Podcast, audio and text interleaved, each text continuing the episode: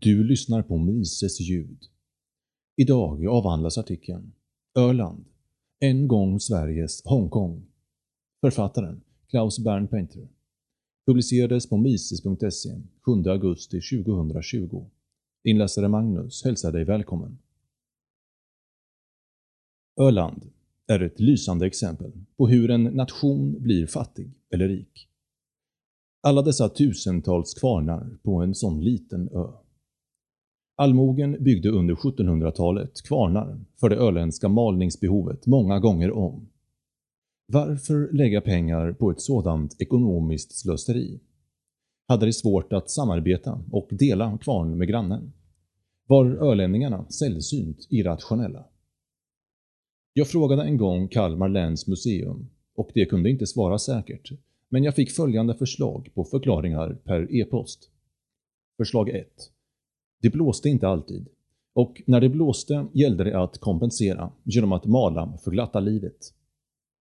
Museet måste ha missat att Öland kallas solens och vindarnas ö.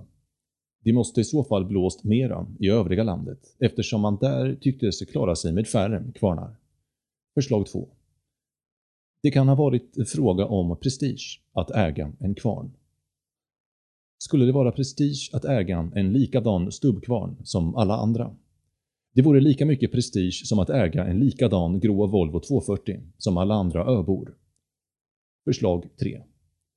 En kunglig förordning från 1746 lättade på begränsningarna i skogsavverkningen och plötsligt fanns det billigt virke till att bygga kvarnar.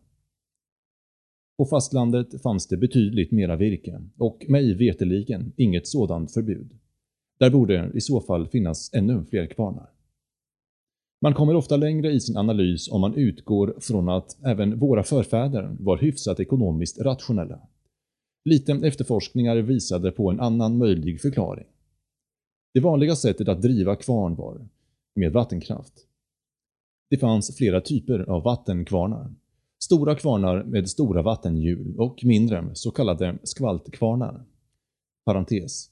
Skvaltan är ett område på Siklaön precis söder om Värmdöleden i Nacka kommun. Genom området går Skvaltans väg. Skvalta var ursprungligen en sjö vars avflöde genom Vikdalen drev flera skvaltkvarnar. Det var svårt att få tillstånd att bygga en kvarn. Vattenkraft var tidens viktigaste energiform och en värdefull tillgång. Eftersom all säd måste passera en kvarn var det också väldigt praktiska beskattningspunkter. Vattenkraften var därför givetvis hårt reglerad av staten, vilken inventerade vattenkraften i återkommande kvarnkommissioner. För att få tillstånd att bygga en kvarn behövde man betala dryga avgifter. Få besiktning av lokala fiskalier och dessutom måste dina framtida konkurrenter intyga att det fanns behov av ytterligare kvarn i området. Föga förvånande rådde kvarnbrist i riket. Folk svalt, ibland på grund av kvarnbrist. Inte alla hade sin egen häst, utan fick hyra för att ta sig till en kvarn. Väl framme kunde det visa sig att det var flera dagars kö för att få mala. Ibland har man rest förgäves till en kvarn som visade sig vara trasig och man fick söka sig vidare till en annan. Allmogen svalt, men staten i Stockholm fick sin skatt.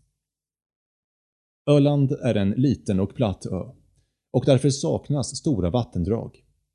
Gissningsvis fick allmogen ibland resa över till fastlandet för att få malet.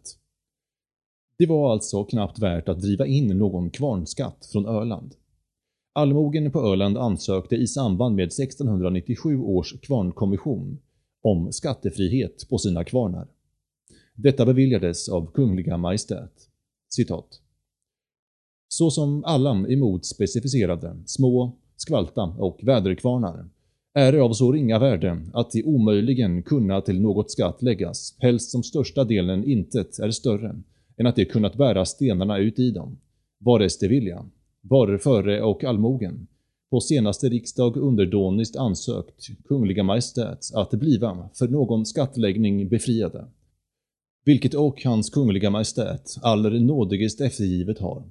Ty vara det här med allenast med deras namn införde, samt varest det är belägna. Nu behövdes inga avgifter, tillstånd eller skatter längre. Det räckte med att registrera en plats och ett namn för sin kvarn. En väderkvarn är visserligen dyrare att bygga än en skvaltkvarn, men på grund av skattefriheten lönade det sig. Öland blev ett veritabelt skatteparadis för kvarnar. Efter 1850 kom ång- och oljedrivna kvarnar, vilket gjorde väderkvarnarna jämförelsevis olönsamma. Det är rimligt att tänka sig att efter skattefriheten började fastlandet, där kapacitetsbrist rådde, skeppa säd till Öland för billig och lättillgänglig malning. Den kvarntätaste delen av Öland visade sig också vara den som låg närmast fastlandet och Kalmar. Vickleby, Ölands kvarntätaste socken nära Kalmar. Enligt Länsmuseet. Citat. Uppgiften att det fanns 1677 kvarnar år 1822 kommer från den öländske prästen Abraham Ahlqvists bok Ölands historia och beskrivning. Enligt Ahlqvist stod kvarnarna allra tätast i Vickleby socken, där det fanns 77 stycken. De många kvarnarna i Vickleby kommenterades 1816 av en annan öländsk präst, Nils Isak Löfgren. Han berättade att traktens ekskog gått åt till att bygga kvarnar. Citat. För vilken orsak man nu för tiden istället för skog ser en stor mängd med kvarnar i rad efter varandra på landborgen mellan Väckleby och Torslunda kyrkor. Blott vid Väckleby och Karleby byar räknar man omkring 50 stycken. Var bonde har nästan alltid två sådana.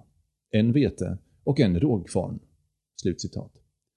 Löfgren såg det mest som en misshushållning med ekskog, men var ändå imponerad av vin av alla kvarnar på rad. Sett från sjösidan tyckte han, trots allt, att kvarnarna vid landsborgskanten gav ett förmöget och vackert utseende. Svårare än så här är det inte. Om det viktigaste är att Kosingen ska in idag, under innevarande mandatperiod, fortsätt för all del att kväva allmogen med höga skatter.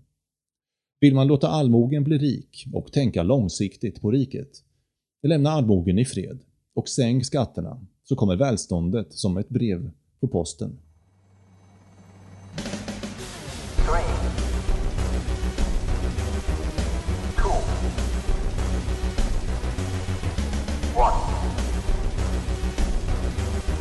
Last, don't put your trust in politics.